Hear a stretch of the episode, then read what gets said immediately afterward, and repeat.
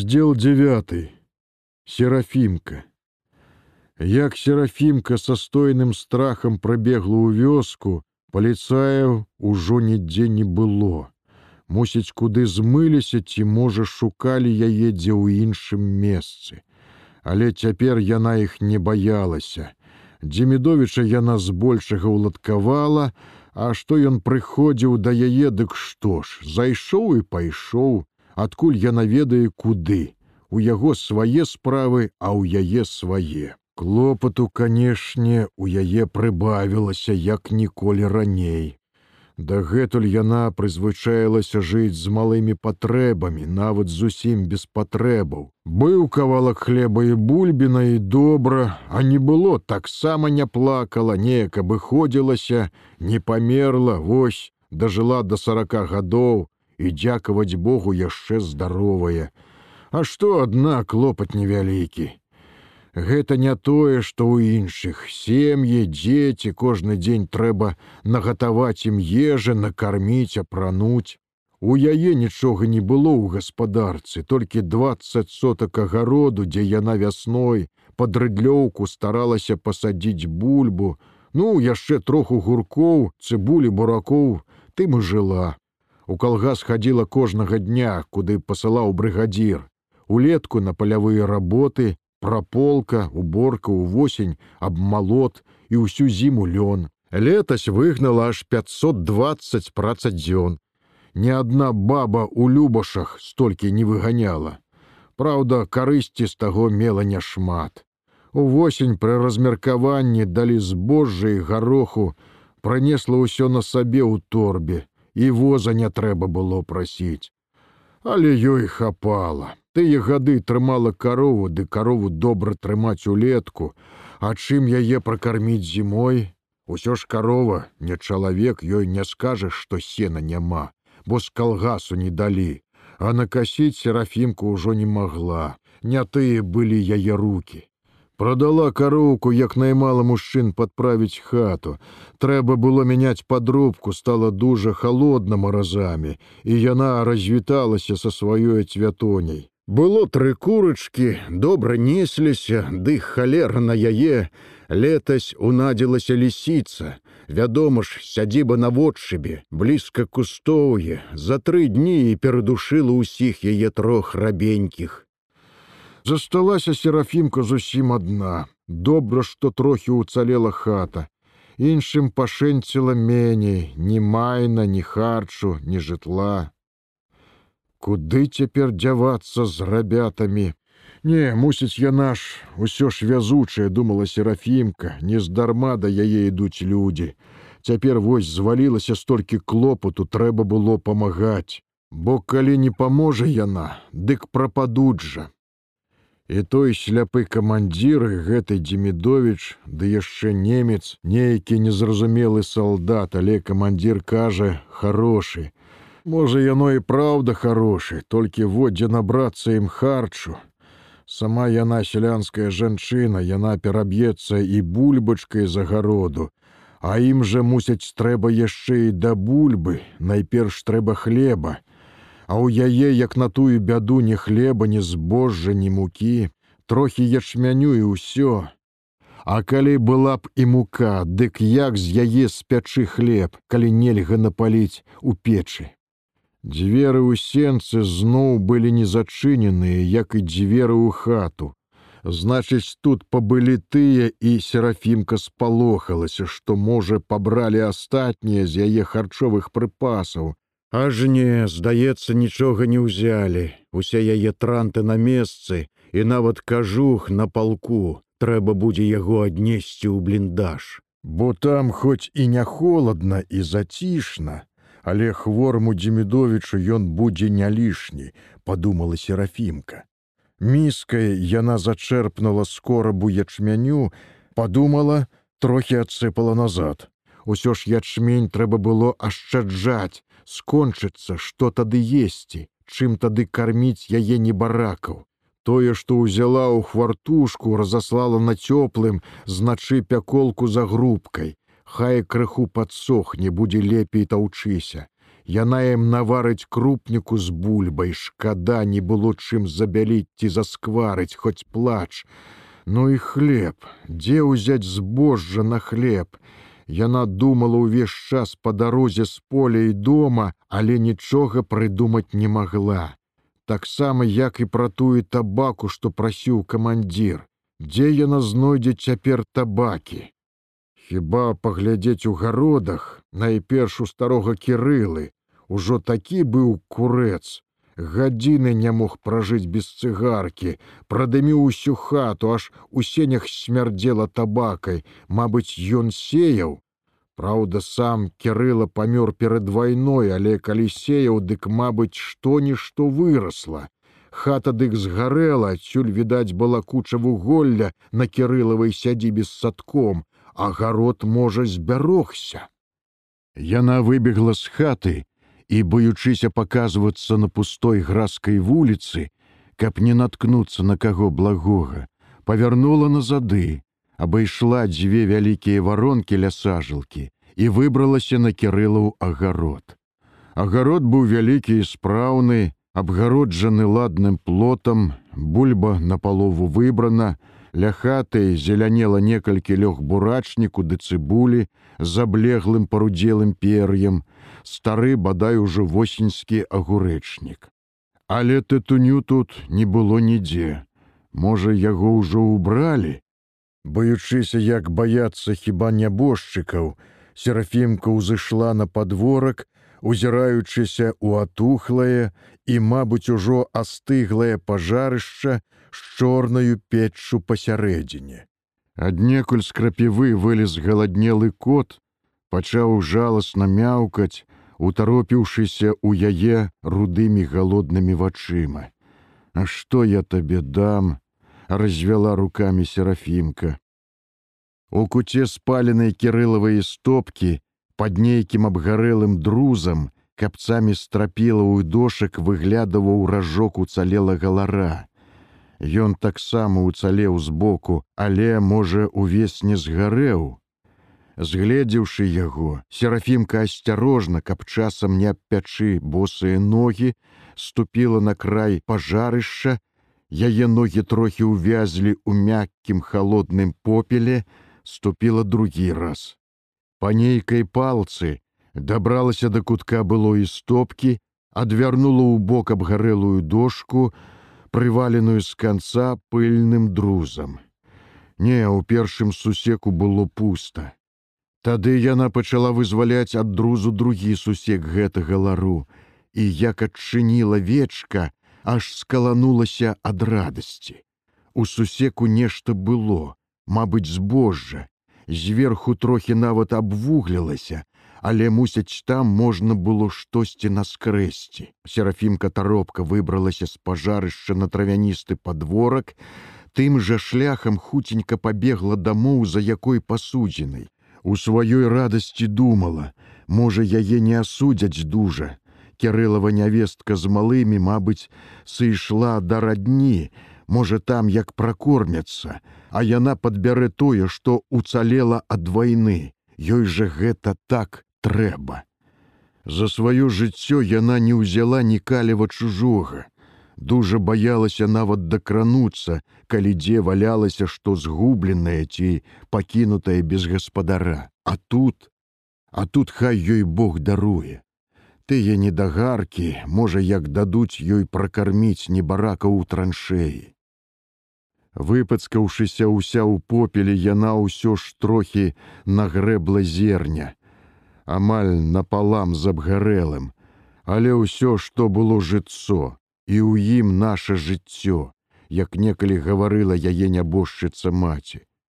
Цяпер яна ўжо як-небудзь агорае пару боханаў хлеба, Не можа быць, каб маючы збожжа не зрабіла хлеба. Канешне, найперш трэба змалоць, а перад тым падсушыць. Але сушыць можа і не трэба, падсохла на пажары, а змалоць яна паспрабуе на суседавых жорнах. Мусяць тыя стаялі спраўныя, толькі малоць мусіць трэба паначы, як сцямнее. Удзень тут наўрад ці пашэнціць, калі шляюцца тыя пелепёнкі, паліцыя, тады дзе ўжо там ёй малоць. І яшчэ трэба ўсё ж такі наладзіць печ. Яна схавала падламачым у сенцах тарбіну з яе набыткам, а сама ўскараскалася на гарышча з пабуранай страшнай страхой паглядзець, што там зрабілася з комінам. Страх было бачыць тое руйнаванне. Кроквы мусіць падаючы адной стараной, абярнулі яе пахілы комін, палавіна якога цяпер ляжала пад саломай на столі.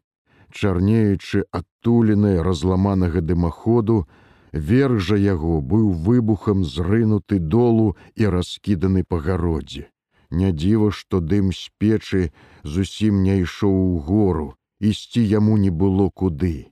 Дзіўна яшчэ, што неяк цягнула з грубкі, але палічы ў грубцы можна было спаліць усё датла, дзе тады жыць серафімцы. Хоць самой перасяляйся ў бліндаж да мужчын. Мусяць нічога ўжо тут зрабіць яна не магла, хіба апроч як заплакаць і яна злезла далоў, нявесела пераканаўшыся, што паліць у хаце было немагчыма. Але тады дзе ж паліць? Рэшту таго дня яна капала бульбу на гародзе, ссыпала яе ў сенцах, неадчэпна думала, што рабіць. І ўсё пазірала на вялікую цалюткую печ за гародам. Знаёмы суседчын чалеснік дужа вабіў яе. Мусіць, там было ўсё спраўна, не ўбераглася хата, затое выжыла печ, у якой не было гаспадыні. Над вячоркам серафіма ўжо не ўтрымалася і пайшла на чужы абгарэлы падворак хоць было дужа няёмка цішком шарыць по чужой сядзібе, але яна трохі прыбрала гарэлы друз ад былога парогу, разгарнула рыдлёўкай вуголле, паклала пару абгарэлых дошак, каб ямчэй было далезці да печы. Дроў тут хапала найбольш галавешак кавалкаў бярвенні і дошак мусіць са столі. Увесь час яна надта апасалася, каб яе не згледзеў хто кепскі. Усё ж сядзібы была не яе, чужая, а найбольш яе дапякаў клопат, як уберагчыся ад паліцаю, каб тыя не дазналіся пра яе мужчын у траншеі. Пакуль што, аднак, спаленая вёска чулася бязлюднай, хаты да пажару стаялі не блізка адна ад адной і цяпер тут з гэтага канца на сядзібах не бачна было нікога. Толькі ў дзень серафімка бачыла, як на другім канцы зводдаль ля брукаванкі нехта, як і яна калупаўся на янкавым пагарэлішчы, Мабыць, старая бабка ці яе нявестка. Мусяць цяпер тут у кожнага быў свой клопат і свае слёзы. Можа, гэта і лепей думала серафімка, Галоўнае, каб зноў не пайшоў дождж, бо калі палье дык ля печы, напэўна, не пастаіш. А можа, і будзе спакайней, тады хай ідзе дождж. Пэўна, у дождж ніхто злы не набрыдзе на яе работу. Ёй бы вось толькі змалоць. Ужо змяркалася, калі яна ўзялася рыхтаваць суседскія жорны. Прынесенным з дому венікам добра вымела жолаб, абмяла ад попелу камяні. Млёны яго мацунак уверсе згарэлі, але млён не галоўнае, мабыць.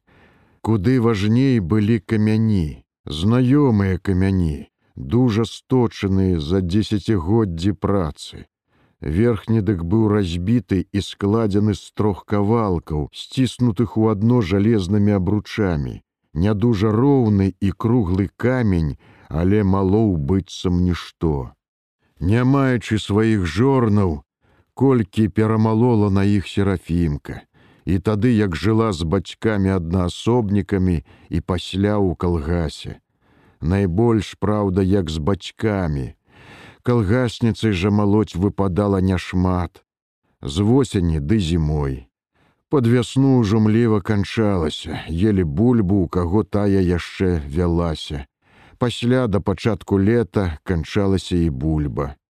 Вот тады пачынаўся вялікі пост. Як зусім сцямнелася і над астылымі папялішчамі усталявалася ветраная ноч, серафімка наважылася. Страхавіта бы зладзейка, падабралася ў цемры да чужога падворку, узлезла на гарэлішчы да жорнаў. Дужа смярдзела чымсьці гаркотным і ёлкім бы ад сажы з коміну, але тое яе не палохала. Найболей ёй было страшна ад цішыні ночы, і яна не адважвалася першы раз пакруціць жорны. Здавалася, іхні грукат будзе чуваць аж на тым канцы вёскі, але пакруціла тоечы страх, пачала малоць і азірацца. Навакол было пуста і ціха, толькі шумелі дрэвы ў садку і чарнелася асадзістая печ побач.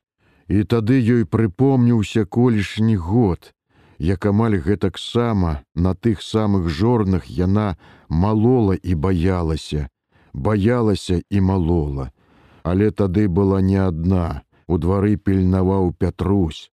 Пасля як змалола, малоў ён на сваю патрэбу, а лявеснічак на падворку стаяла яна. Малолі тайком, процізаконна, баючыся, бо яшчэ тыдзень таму сельсавецкія начальнікі абышлі вёску і пабілі ўсе жорны, дзе яны былі. Знімалі з ніжняга верхні камень, выносілі на двор і білі аб вуглавы камень пад мурку. Жорны разваліваліся на кавалкі. Трэба было здаць збожжа дзяржаве а сяляне не разумелі таго, хавалі дзе хто ўмеў, закопвалі ў ямах на гародзе, у гумнеце нават у лесе. Спярша начальство шукала жалезным прутом, тыцала ў розныя месцы па хляўках і падворках, але ўсё знайсці не магло. Прыбаўка ад таго нарыхтовак была мізэрная. Тады прыдумалі ўзяцца за справу з другога канца, пабіць вясковыя жорны, Меркавалі так: Нямолатае збожжа есці не будуць, значыць, здадуць дзяржаве. Але гэты яе сусед Пятрусь, мало таго, што быў чалавек майстравіты, дык і меў хітрую галаву на плячах. Ён змайстраваў добры жалезны абруч, які сцяў тыя разбітыя кавалкі жорнаў і ўладкаваў іх на ранейшае месца. Можна было малоць і яны ноччу, калі выпадала горшае надвор'е, малолі па чарзе, пятруся пасля серафімка ці наадварот. Пад ранак гаспадар разнімаў абруч і кідаў тых трыкавалкі на ранейшае месца ў крапіву. Сельсавецкія актывісты рабілі рэгулярны абход вёскі і правяралі, ці ляжаць бітыя жорны там, куды яны кінулі іх. Ды Пятрусь абхітрыў усіх, і яны былі з хлебам. Галавасты мужик быў гэты Пятрусь, аж пакуль аднойчы за ім не прыехалі ноччу. Дагэтуль у яе засталося ў душы даволі непрыемнае адчуванне ад тых начных страхаў, як яны туляліся тады як злодзеі, хоць усё тое і збожжа і ячмень было сваё, няўкрадзенае, а сумленнаю працай, вырашчаныя на сваіх жа надзелах, але яны рабілі насуперак уладзе, якая мусіць жа мела на тое права, калі пастанавіла панішчыць іх жорны. Мабыць, так было трэба для ўлады ці для дзяржавы. Толькі яны з петрусём чагосьці не разумелі, калі парушалі тую пастанову.